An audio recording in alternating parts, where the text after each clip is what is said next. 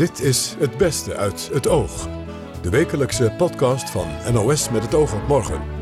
Buiten lijkt het wel herfst. Binnen zit gelukkig Mieke van der Wij.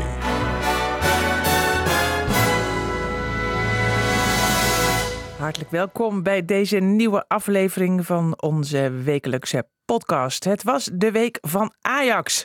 De Amsterdammers versloegen Real Madrid. En dat deden ze uitgerekend op dinsdagavond, vlak voor de uitzending van Wilfried de Jong. U weet wel, mijn collega uit Rotterdam. Maar die was er sportief over. Vanuit Hilversum Noord, op het Mediapark, achter de radiomicrofoon, neemt een geboren Rotterdammer, een Feyenoorder in hart en nieren, diep, diep zijn petje af voor Ajax. En stiekemweg is hij vanavond nog trotser geworden op die 6-2 in de Kuip. Verder in deze podcast geen voetbal, maar wel een gesprek over Urk. De stemming is daar zo bedrukt dat het dorp voor het eerst in zijn geschiedenis de visserijdagen heeft afgelast. Een van die vissers die zei: Mijn kinderen zijn niet meer enthousiast om ook visserman te worden.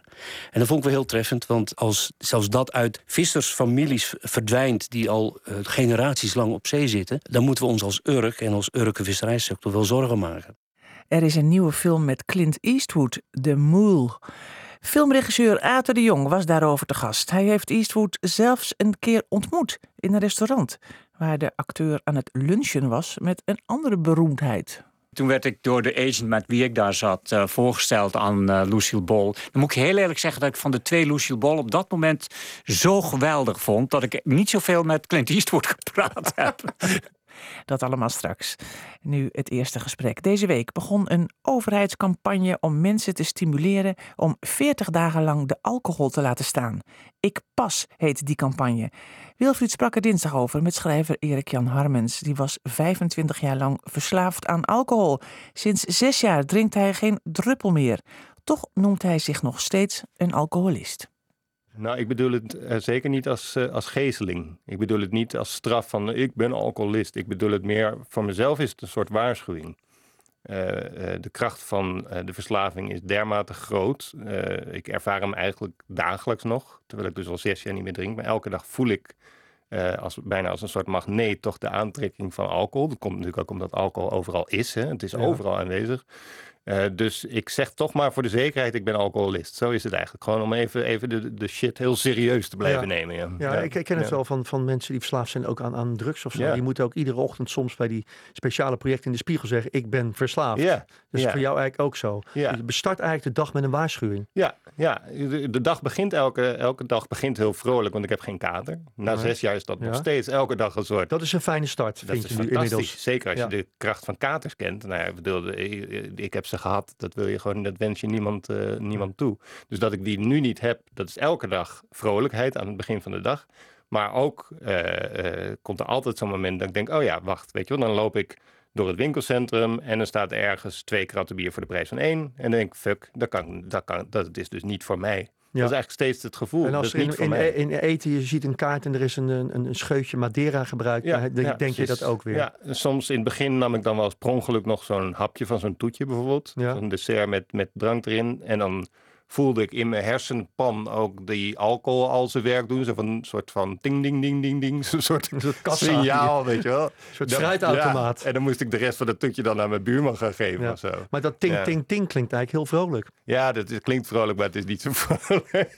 het is echt een soort, een soort, soort van incoming, incoming. Het is een heel raar principe van je, je voelt gewoon... ik krijg een stofje binnen dat ik heel lang niet heb gemist. En het is natuurlijk heel confronterend om, om erachter te komen dat je verslaafd bent. Zo leuk is dat ook weer niet. Nee, nee, ik ga hier ook niet al te grappig over doen. Nee, maar je, je, je, begint eigenlijk, uh, je, je, begint net je verhaal over een kater te vertellen. Terwijl je zou ook, ook nog over de euforie van alcohol kunnen praten. Of, of is dat eigenlijk, bestaat dat eigenlijk überhaupt niet, euforie rond alcohol? Ja, die bestaat zeker wel. Ja, ja die heb je natuurlijk ook meegemaakt. Tuurlijk, heel veel. In je boeken lees je ook wel de euforie en de kater. Ja, zeker, zeker. Ja, ik ben ook zeker niet tegen alcohol. Ik ben tegen ongeluk. He, dat is iets anders. En uh, alcohol heeft mij nou, dat, ik weet niet of ik het zo kan zeggen dat alcohol mij dingen heeft gebracht. Maar alcohol heeft mij er zijn heel veel vrolijke momenten waar alcohol een rol heeft gespeeld. Zo, zo kan ik het zeggen. Ja. En uh, ik heb heel lang dat hele klassieke rock en roll bestaan gehad met kleedkamers. En je kan je verder wel invullen, denk ik. En daar speelde drank een rol bij. Nu is die drank er niet meer bij en alles gaat een beetje stroef.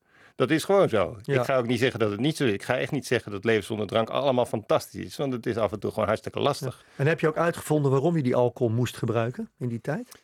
Ja, nou, de verschillende functies heeft het voor mij altijd gehad. Eén daarvan, ik ben van nature uh, uh, altijd toch een klein beetje kat uit de boom kijken. Een beetje gereserveerd, een beetje verlegen.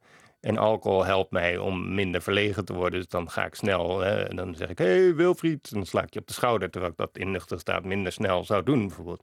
Maar het heeft op een gegeven moment ook, toen ik wat mensen ging verliezen, er gingen wat mensen dood. En, en, en, en, en dat zeg ik nu even zo nonchalant, maar er is geen tijd om dat helemaal uit te diepen nu. Maar ja, ja toen kreeg het ook uh, de functie van pijnstiller. Ja. Ja, echt pijnstiller, dempen die handel. Uh, en ik denk dat heel veel mensen dat herkennen van als je zoveel, nou als je rouw ervaart, echt de rauwe rouw zeg maar, van, van mensen ziek zien worden voor je ogen, in je armen dood zien gaan, ja, dan, dan is dit een middel om die boel gewoon te dempen. En weet je, ik vind nog steeds confronterend dat ik het, dat ik, dat ik het zo fijn vond om zoveel te drinken, dat ik, dat ik echt half bewusteloos op een bank lag of zo, snap je? Buiten. Nee, wel altijd binnen. Oké. ja, ja, gewoon in mijn woning. Maar Ja. dan was er gewoon verder niemand. Nee. Dat was een soort van ideaal. Ja, ik kan het nu, zoveel jaar later, bijna niet meer voorstellen. Maar het was wel echt, eh, zo, was, Ja. de, zo was de situatie. Maar de dingen die je nu noemt, die hebben, die hebben, mensen, die hebben mensen die nu zitten te luisteren. Die denken, ja, ik heb, ook, ik heb ook ongemak, ik ben ook verlegen, ik durf dit ook niet. Ja. Hoe vaak zeggen mensen niet, nou, ik moet nu echt een borrel. Ja. Wat moeten die mensen dan doen? Ja, het ligt er natuurlijk. Ik, ik, ik kan echt niet mensen adviseren die vinden dat ze geen probleem hebben. Snap je? Eh, en heel veel mensen hebben misschien ook helemaal geen probleem. Ik ken heel veel mensen die heel hard werken en op vrijdagmiddag of misschien ook wel op dinsdagmiddag een keer een borrel drinken. Prima, weet je, daar ga ik er natuurlijk niks van zeggen. Nee. Maar ik spreek, probeer die mensen aan te spreken die net als ik eh, twee levens leiden. Die een dubbel leven leiden. Dat is eigenlijk de groep mensen waar ik me toe wil verhouden. Die Maar je mensen, spreekt nu vanuit het verleden, dat je een Ja, dubbelleden had. ja, dubbel ja, leven had. ik heb nu nog één leven. En ik kan zeggen dat dat is heel fijn. Het is niet altijd makkelijk, maar het is wel heel fijn. Het is in ieder geval heel overzichtelijk. En wat was het dubbelleven dan? Dat je, dat je echt zeg maar een alcoholisch bestaand en een non-alcoholisch deel Nou, per het- 24 uur, zou Het ik maar was meer zeggen? naar buiten toe dat ik een levensgenieter was. Een Ja. bourgondier. Een, iemand die hem wel lustte. Hè, dat soort eufemismes. Dat Ja. soort, eh, eh, en aan de achterkant kampte ik met he- hevige katers, geheugenverlies. Eh, ik, ik moest een ongelofelijke logistieke operatie bestieren van lege flesjes wegbrengen, volle flesjes inkopen, eh, dat verbergen onder, onder kranten zodat mijn vrouw het niet zou zien. Weet je, Ja. dus allemaal stiekem gedoe. Eh, en ik zag ook, ik werd steeds dikker. Ik kreeg een rode, vet, een rode dikke kop. Je ziet het, weet je wel. Ja. En dat, je hebt gewoon twee, je hebt dus een soort uiterlijkheid van hoe je naar de buitenwereld. En daarachter ben je eigenlijk gewoon diep ongelukkig. En, en dat gun je eigenlijk niemand. Nee. En wat is het substituut geworden? Ik weet toevallig, ik zie je af en toe wel eens op, op foto's eh, bij jou op Instagram, volgens mij weet ik waar. Ja. Op Twitter zie ik je wel eens dat je hard loopt, bijvoorbeeld. Een marathon of een halve marathon, weet ik wat. Helpt dat? Eh, het helpt mij heel erg, omdat mijn hoofd sinds ik niet meer drink, eh, nou, sinds ik niet meer drink, komt alles binnen. Alles komt ongefilterd binnen. Er is gewoon geen, geen, geen filtertje meer. Ehm, want ik was al eens eerder eh, eventjes gestopt. Hè? Gewoon even Ja. zo, ook- ook zo'n vergelijkbare periode. En ik weet dat ik toen eh, even naar, eh, naar de stad ging en mijn auto parkeerde in een parkeergarage. En toen de- was ik dus voor het eerst nuchter sinds hele lange tijd. En ik sloeg mijn autodeur dicht. En ik, ik sloeg echt zo mijn handen op mijn oren. Weet je, van wat is dat voor geluid? Ja. Dus Geluiden komen anders alles binnen. komt keihard binnen. Ja. Dat vond ik wel een sensatie. Ik denk, dat is dus allemaal de het gedempt, weet je. Altijd als ik naar de stad ging, had ik wel een biertje op of zo. Ja. En nu niet. En, ja, Je hebt altijd met een, jarenlang met een slaapzak over je hoofd een gelopen. je slaapzak over mijn hoofd gelopen. Ja, Ja, ja. En, en nu, nu, nu, nu zie ik een mooie kort geknipt haar. Ik zie een baardje en een bril. En ben, Ja. je, ben- en ben je kraakhelder. Ik ben kraakhelder, gelukkig wel. Ja, een gesprek dat wellicht inspireert om af en toe de alcohol te laten staan. Of misschien zelfs wel mee te doen aan die campagne. Ik pas. Deze week kwam het bericht dat Urk de jaarlijkse visserijdagen heeft afgelast. En dat heeft alles te maken met de grote zorgen die in het dorp leven over de toekomst. Dat vertelde Johan van Sloten woensdag in de uitzending. Herman van der Zand gesprak met hem. Van Sloten is zelf Urker, journalist en statenlid voor het CDA. Twee dingen houden Urk in de greep. Het verbod dat onlangs is ingesteld op pulsvissen en de aankomende brexit. Door die twee zaken heeft men eigenlijk niet zo'n zin in een feestje. Uh, want die visserijdagen met vlaggetjesdag als hoogtepunt... dat moet dan toch echt een feest worden voor de hele vloot. Voor uh, heel Urk, maar zeker ook voor de toeristen. En ja, die vissers hebben daar niet zoveel zin in. Maar is het wel eens voorgekomen dat ze, dat ze hebben gezegd... nou, ik heb, we, hebben, we hebben er geen zin in met z'n allen. Want het is, ook, dit, is nogal wat. Het is een evenement. Het is toch een groot ja. evenement? Ja, er komen tienduizenden mensen ja. af. Uh, nou, het is wel eens vaker voorgekomen dat ze sowieso niet zijn georganiseerd. Nu waren ze wel georganiseerd. stond al in de draaiboeken. Uh, maar ze hebben van het weekend uh, de vissers gepolst. En ik geloof dat van de honderd schepen... er iets van nou, tien zeiden van nou, uh, wij, uh, wij zien er nog wel brood in. En de rest uh, die, die, die, die zei dus nee. Want even voor de helderheid, die, die moeten dan wel komen naar Urk, hè? Ja, ze moeten ook een financiële bijdrage leveren. Dat ligt ook wat lastig. Ze, liggen niet, ze komen nooit daar in de haven weer terug? Nee, ze liggen in de haven zoals Harlingen, Derfzeel, Den Helder. Urk kunnen ze eigenlijk niet meer komen, daar zijn ze te groot voor. Dus voor de Vlaggetjesdag worden een aantal schepen gevraagd om naar Urk toe te komen. Dat kost veel geld voor die schepen. Dat kost brandstof, kost inzet. Ze missen, ze missen dagen op zee natuurlijk. Precies, uh, maar dat doen ze graag, want het is natuurlijk een mooie promotie voor uh, het mooie vak van vissen. Uh, maar daar was nu dus te weinig animo voor. Dus dat weegt allemaal niet op tegen dit, wat u zegt, de promotie ja. voor, voor visserij, toeristen? Het ligt eraan aan wie het vraagt. de vissers zijn er dus niet enthousiast over en dat is ook de reden waarom het is afgelast. Maar ik hoor ook weer geluiden op Urk vanuit, laat ik zeggen, de meer toeristische hoek. Die zeggen van ja, maar eigenlijk had je het wel moeten doen want juist nu moet je je verhaal vertellen. Nu moet je aan iedereen laten zien wat bijvoorbeeld die pulskortechniek nou precies inhoudt en hoe goed die wel niet is. Want door al die ophef die erover is geweest, uh, is er misschien ook wel een beeld ontstaan dat die pulskor inderdaad niet goed is voor de zeebodem of inderdaad niet goed is voor de vissen. En dat wordt door de vissers zelf ontkend. Het wordt ook wel onderbouwd met wetenschappelijke studies van de Wageningen Universiteit bijvoorbeeld. Maar ja, dat is een verhaal waarin uh, de Urker of de Nederlandse visserij sektor alleen staat. Dus ze moeten, dat zegt dan weer de toeristische uh, hoek op Urk... Uh, zorgen ervoor dat je je verhaal vertelt. En dan kun je misschien juist weer uh, een beter imago... of kunnen, dat je weer aan je imago kunt werken. Ja, de, u, de, u, u, maar heeft een mooi enerzijds, anderzijds verhaal. Ik hoor dit, ik hoor dat. U, u komt zelf van Urk. Wat, wat vindt u? Is het, is het, is het doorgeschoten door het, door het af te blazen? Nee, ik kan me wel voorstellen dat dat, dat dit jaar even niet gebeurt. want, maar... want, want, hoe is, want hoe is het sentiment bij u bijvoorbeeld? Nou ja, ik vind het verbod op de pulskor, dat, daar kan ik me echt boos over maken. Ik vind dat uh, zo onterecht. Omdat dat vooral het resultaat is, en zo wordt het ook door de vissers gevoeld. Het is vooral een resultaat van, ja, ik zou bijna zeggen, Europees gekonkel. Met name door uh, de invloed van de Fransen, die van de pulskor af wilden. Omdat Franse vissers mm -hmm. uh, niet mee zijn gegaan in die ontwikkeling. Ze zien nu dat de Nederlandse vissers veel verder zijn qua techniek dan zij. ze hebben daarvoor een uh, Franse uh, milieuorganisatie ingeschakeld. Die heeft gezegd: op basis van ons onderzoek is pulscore inderdaad slecht voor vissen en slecht voor de zeebodem.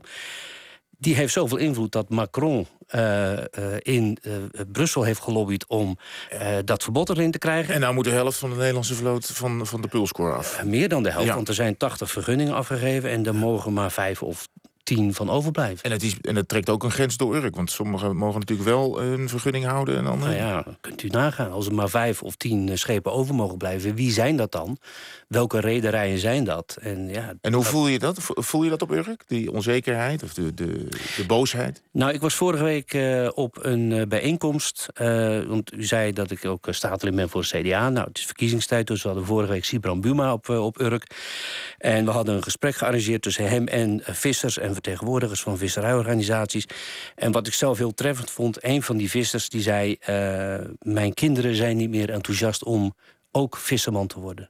En dat vond ik wel heel treffend, want uh, als zelfs dat uit vissersfamilies verdwijnt... die al uh, generaties lang op zee zitten...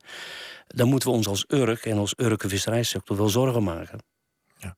Tegelijkertijd de vissers hebben het, hebben het altijd wel eens lastig gehad. Ja. Eh, Urk bestaat nog steeds. Er wordt nog steeds gevist. Is er ook wel, eh, er is toch wel ergens ook wel hoop?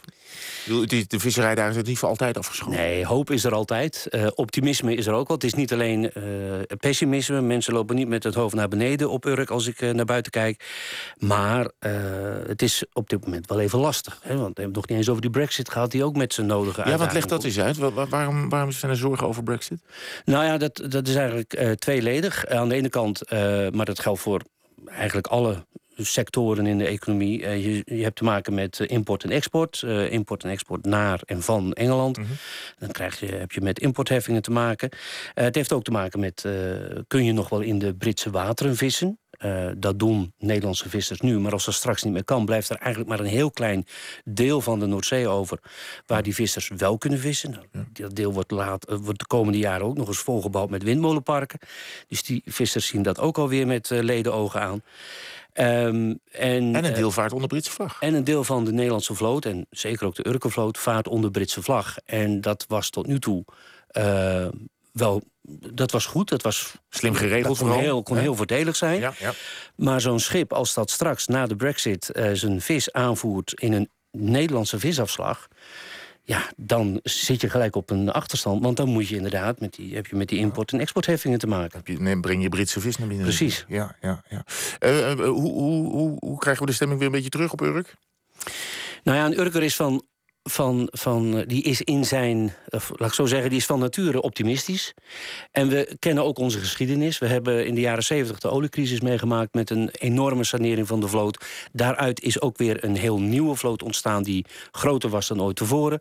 Eh, we hebben eh 10, 15 jaar geleden ook eh, een soort mini-oliecrisis gekend met enorm hoge olieprijzen, waardoor er niet meer kon worden geïnvesteerd. Daaruit is de pulskorttechniek gekomen, waardoor er weer verdiend werd. Er werd afgelopen jaren weer geïnvesteerd. Dus men hoopt nu dat er nieuwe technieken ontstaan. Daar gaan wel een paar jaar overheen voordat die echt op grote schaal kunnen worden eh, doorgevoerd. En dat dan eh, de sector weer tot rust komt. Ja, nou, ik, eh, ik hoop het met u mee. Dank u wel. Johan van Sloten, journalist, staatslid voor het CDA en vooral Urker. Dank u wel. The Mule, zo heet de nieuwe film waarin Clint Eastwood speelt. Die is inmiddels 88 jaar oud. Ja, en dan is het niet zo gek dat hij een oude man speelt. was a terrible father. Terrible husband. This is the last one. So help me God.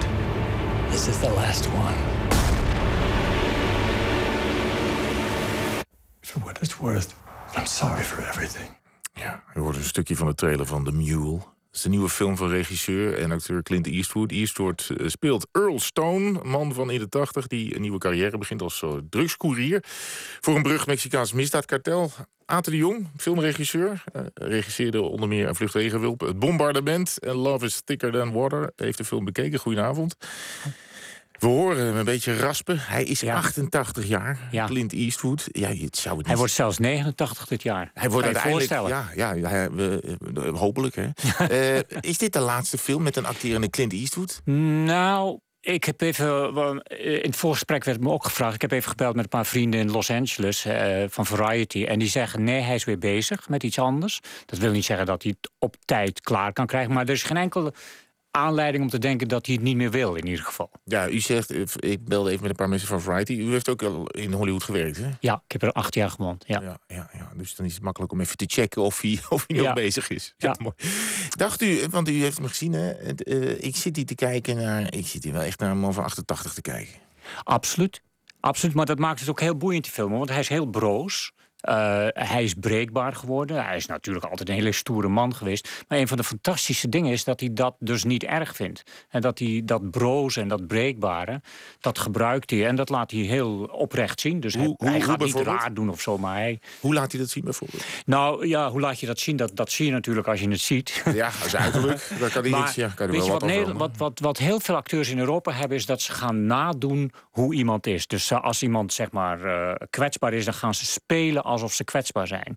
En het goede van Amerikaanse acteurs is dat ze denken zoals de karakter is. En dat is het allermoeilijkste wat er is natuurlijk, want heel vaak denken mensen: oh, nu denk ik zoals het karakter is.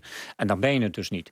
En dat kan Clint Eastwood heel goed. Hij kan heel goed zijn zoals het karakter is. Ja. En, dat is ook wel handig, hij regisseert het zelf. Dus hij, Hij kan natuurlijk, ja, het is, hij heeft een... Ja, en natuurlijk, het ligt ook heel dicht bij hem. Hè? Want hij is een oude man. Hij is 88, dus hij is ook echt broos. Dat hoeft hij niet te spelen. Hij moet het alleen toelaten. Hij gaat maar door.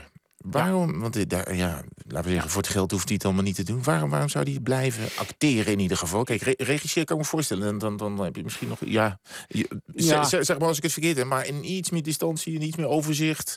Nou, weet je, het is een beetje een regisseursziekte. Je, eh, je uit je door films te maken. Dat is het enige waardoor je een soort van bestaansrechten aan ontleent. En in de Ja, verhalen acteren die zelf, Sorry? Ja? maar het acteren dan ook zelf in die, in die film. Waarom zou hij dat allemaal nog willen? Nou, ik, denk dat hij vindt dat je... Die hebt niet zoveel eh, rollen voor mensen in de tachtig. Dus hij creëert ze zelf. En dan denkt hij, ja, dat is een mooie rol, die speel ik zelf. En hij, heeft een heel hij is een heel praktische man. Hè? Hij vindt bijvoorbeeld al het gezeur vindt hij niks. Het is een, een geen gezeurregisseur. En eh, als, je bijvoorbeeld, als hij bijvoorbeeld een film maakt en het shot is goed, dan eh, zegt de, de, de regisseur, een andere regisseur zegt dan wel bij de Line of Fire, zegt, zullen we het nog een keer doen? Dan zegt hij, was het in focus? Zegt, en dan zegt de regisseur, ja, nou, move on, die weet je wel. Niet twee keer doen als het goed is. Dat, Als het dat maar scherp allemaal is. dat gezeur. Maar dat heeft hij ook als hij zelf natuurlijk regisseert en acteert. Dan hoeft hij minder uit te leggen. De Dus regisseur tijd. Eastwood gaat het de acteur eh, Eastwood niet moeilijk maken Nee. natuurlijk. Nee, Nee. ehm, eh, wat voor type speelt hij in de film? Nou, wat hij heel veel doet in de laatste films, in de laatste seriefilms, is dat hij een man speelt die eigenlijk een beetje stug is, een beetje rechts is. Dat was hij natuurlijk, dat is hij eigenlijk ook. Hij was ooit eh, burgemeester van Carmel. Hij is een soort van Reagan-achtige republikein, met een beetje een libertarian touch erin. Ehm, en het is iemand die dan ontdekt dat hij zijn hele leven, in al die films, zijn hele leven te veel gewerkt heeft en niet genoeg tijd aan zijn privéleven besteed heeft. Nou, dat ontdekt hij dan, dan realiseert hij zich dat hij dat wel had moeten doen.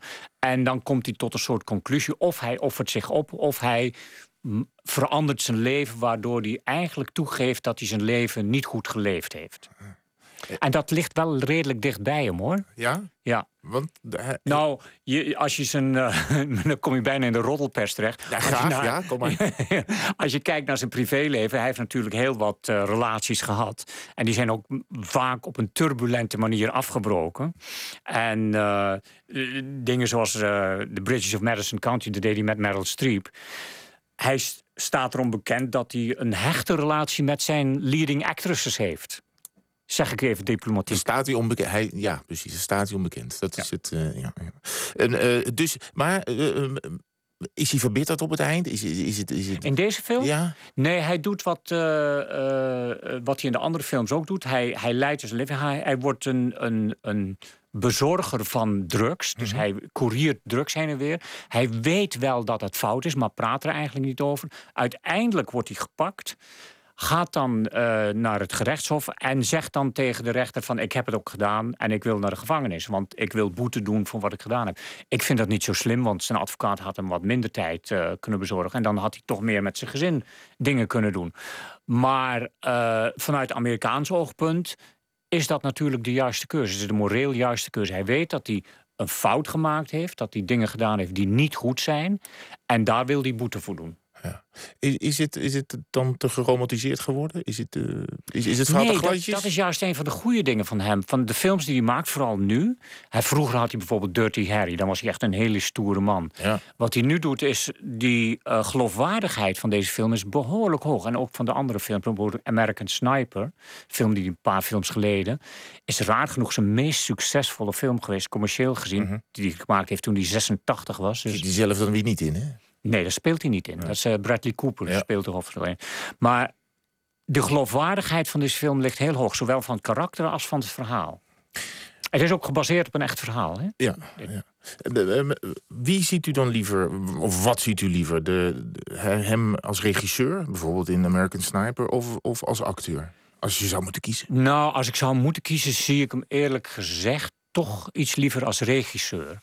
Want hoewel ik hem een fantastisch acteur vind, hoor, daar gaat het niet om. Maar op een bepaald moment heb je gezien wat hij kan. Deze film is iets nieuws omdat hij zo broos is. Maar over het algemeen weet je wel dat hij stug is en dat hij zich langzaam laat overhalen en dat soort dingen. Als regisseur is hij een ongelooflijke, degelijke en op de beste manier van het woord een ouderwetse regisseur. Hij komt uit die school van John Ford en Don Siegel en Robert Altman. Dat zijn allemaal mensen die eigenlijk een generatie uh, liggen voor Spielberg en Coppola en dat soort dingen. En hij is een van de allerlaatste die nog dat hele technische filmmaken bezit. Waarbij je met de camera het verhaal vertelt en geen rare dingen gaat doen, maar heel sober en netjes het verhaal vertelt. Is dat, is echt zou het een gemis zijn als, als hij dan zou stoppen ook? ik denk wel dat er met hem, uh, er gaat een icoon verloren. Er gaat een, bepaald, een bepaalde manier van filmmaken zou daar symbolisch mee verdwijnen. Ja, zeker.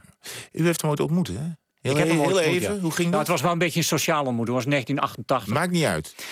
Vertel. uh, het was 1988, een restaurant in Melrose. Melrose uh, dingen. En hij zat samen te lunchen met uh, Lucille Ball. En, Ook niet de minste? Uh, ook niet de minste. En toen werd ik door de agent met wie ik daar zat uh, voorgesteld aan uh, Lucille Ball. Dan moet ik heel eerlijk zeggen dat ik van de twee Lucille Ball op dat moment zo geweldig vond. dat ik niet zoveel met Clint Eastwood gepraat heb. ja, dus, dus even, je, je, staat, je staat aan een tafel, stel ik me voor.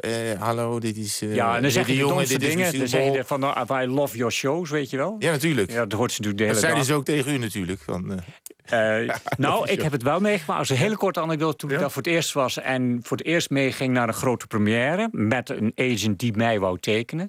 Dat ik daar liep en dat er mensen waren die naar me riepen en die mijn handtekening wouden hebben. En dus posters hadden van mijn Nederlandse films. Oh, leuk. En ik dacht, ik ben in de hemel bereikt. Pas drie maanden later hoorde ik dat die mensen gewoon ingehuurd waren. door de agent. Zo had ik het ook Het is ook allemaal weer nep, hè? Het is nep, maar het is wel de hele leuke nep. Ja, heerlijke nep. Maar, uh, maar de Clint Eastwood en Lucille Ball, dat, ja, dat is toch iets wat, wat wel een fenomeen was. Prachtige anekdotes van filmregisseur Ate de Jong.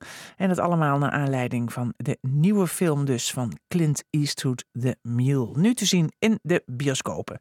Tot slot, poëzie met John Jansen van Galen. John's Poëzie-rubriek.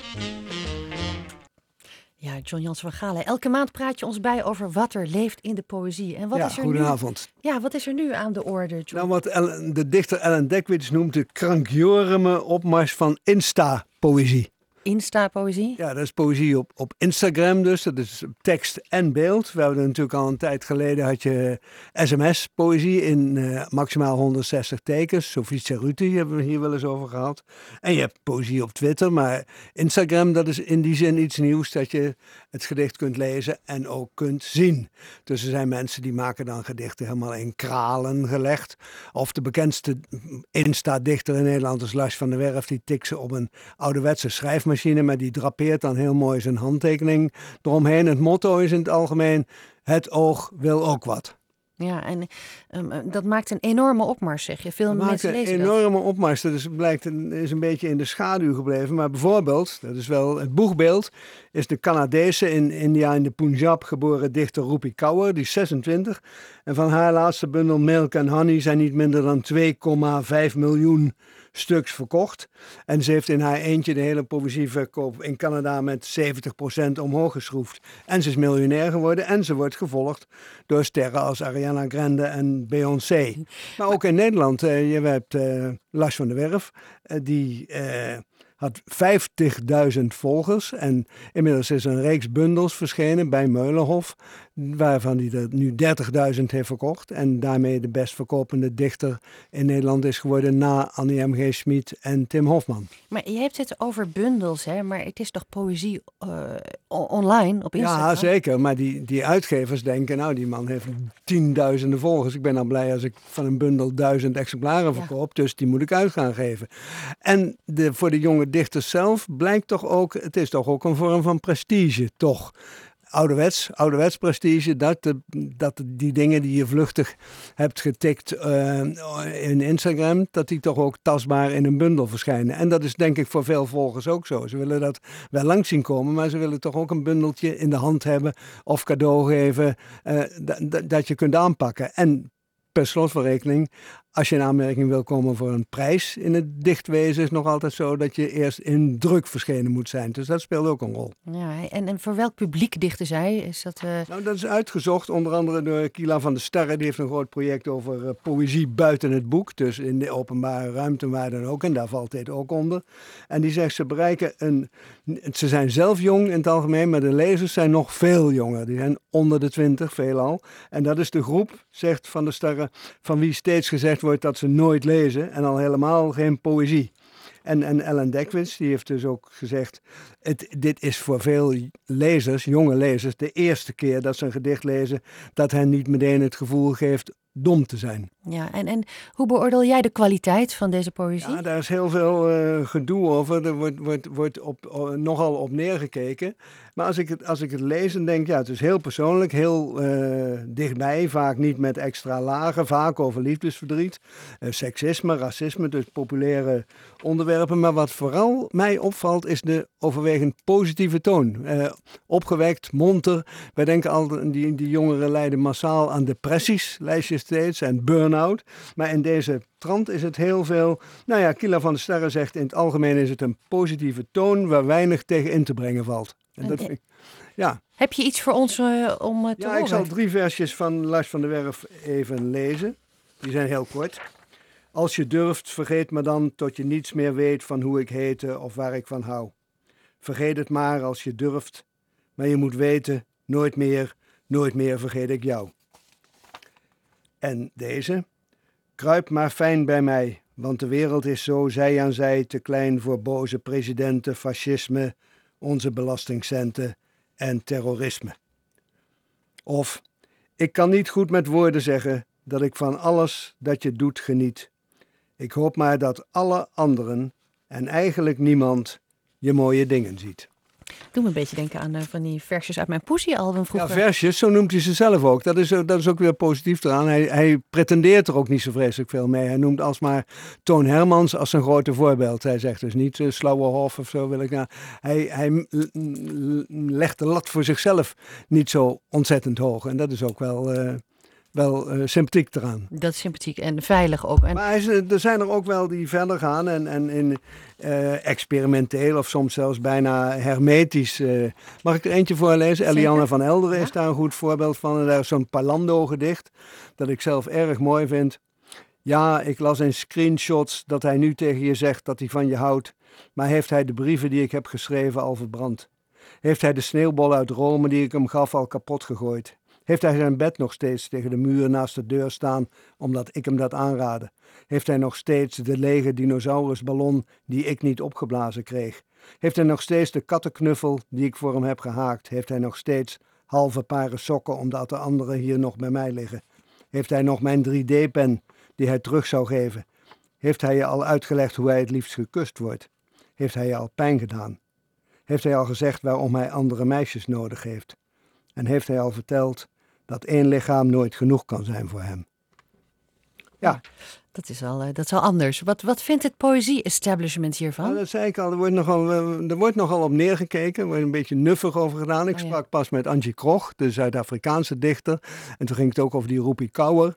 En toen zei, toen zei Krog ja, dat ze dat allemaal maar, maar eh, niks vond. Ze was in gesprek met Ellen Dekwits, die juist nogal enthousiast is over deze stroming. Want die zegt het toch, kan toch een opstapje zijn voor jongeren om uiteindelijk ook Hans Faverij of uh, Arjen Duinker te gaan lezen. En ze zegt van zichzelf, ik ben tot poëzie gekomen via uh, Jean-Pierre Ravi, die ik nu oppervlakkig en sentimenteel zou vinden. Maar het was voor mij een, een opstapje naar de poëzie. En dat kan dit genre natuurlijk ook best zijn. Maar zeg je, ja, de man van de site Poëzie, Laurens Janszoon Koster, ik geloof er niks van dat ze via dit, dit soort versjes tot echte poëzie komen. Ik zou zeggen, laten we er het beste van hopen. Dat lijkt mij ook het beste. John Jansen van Galen. We zijn met hem aan het einde gekomen van deze podcast. Maar volgende week is er weer een. En misschien hoort u mij dan ook weer. Dag. Gute Nacht, Freunde.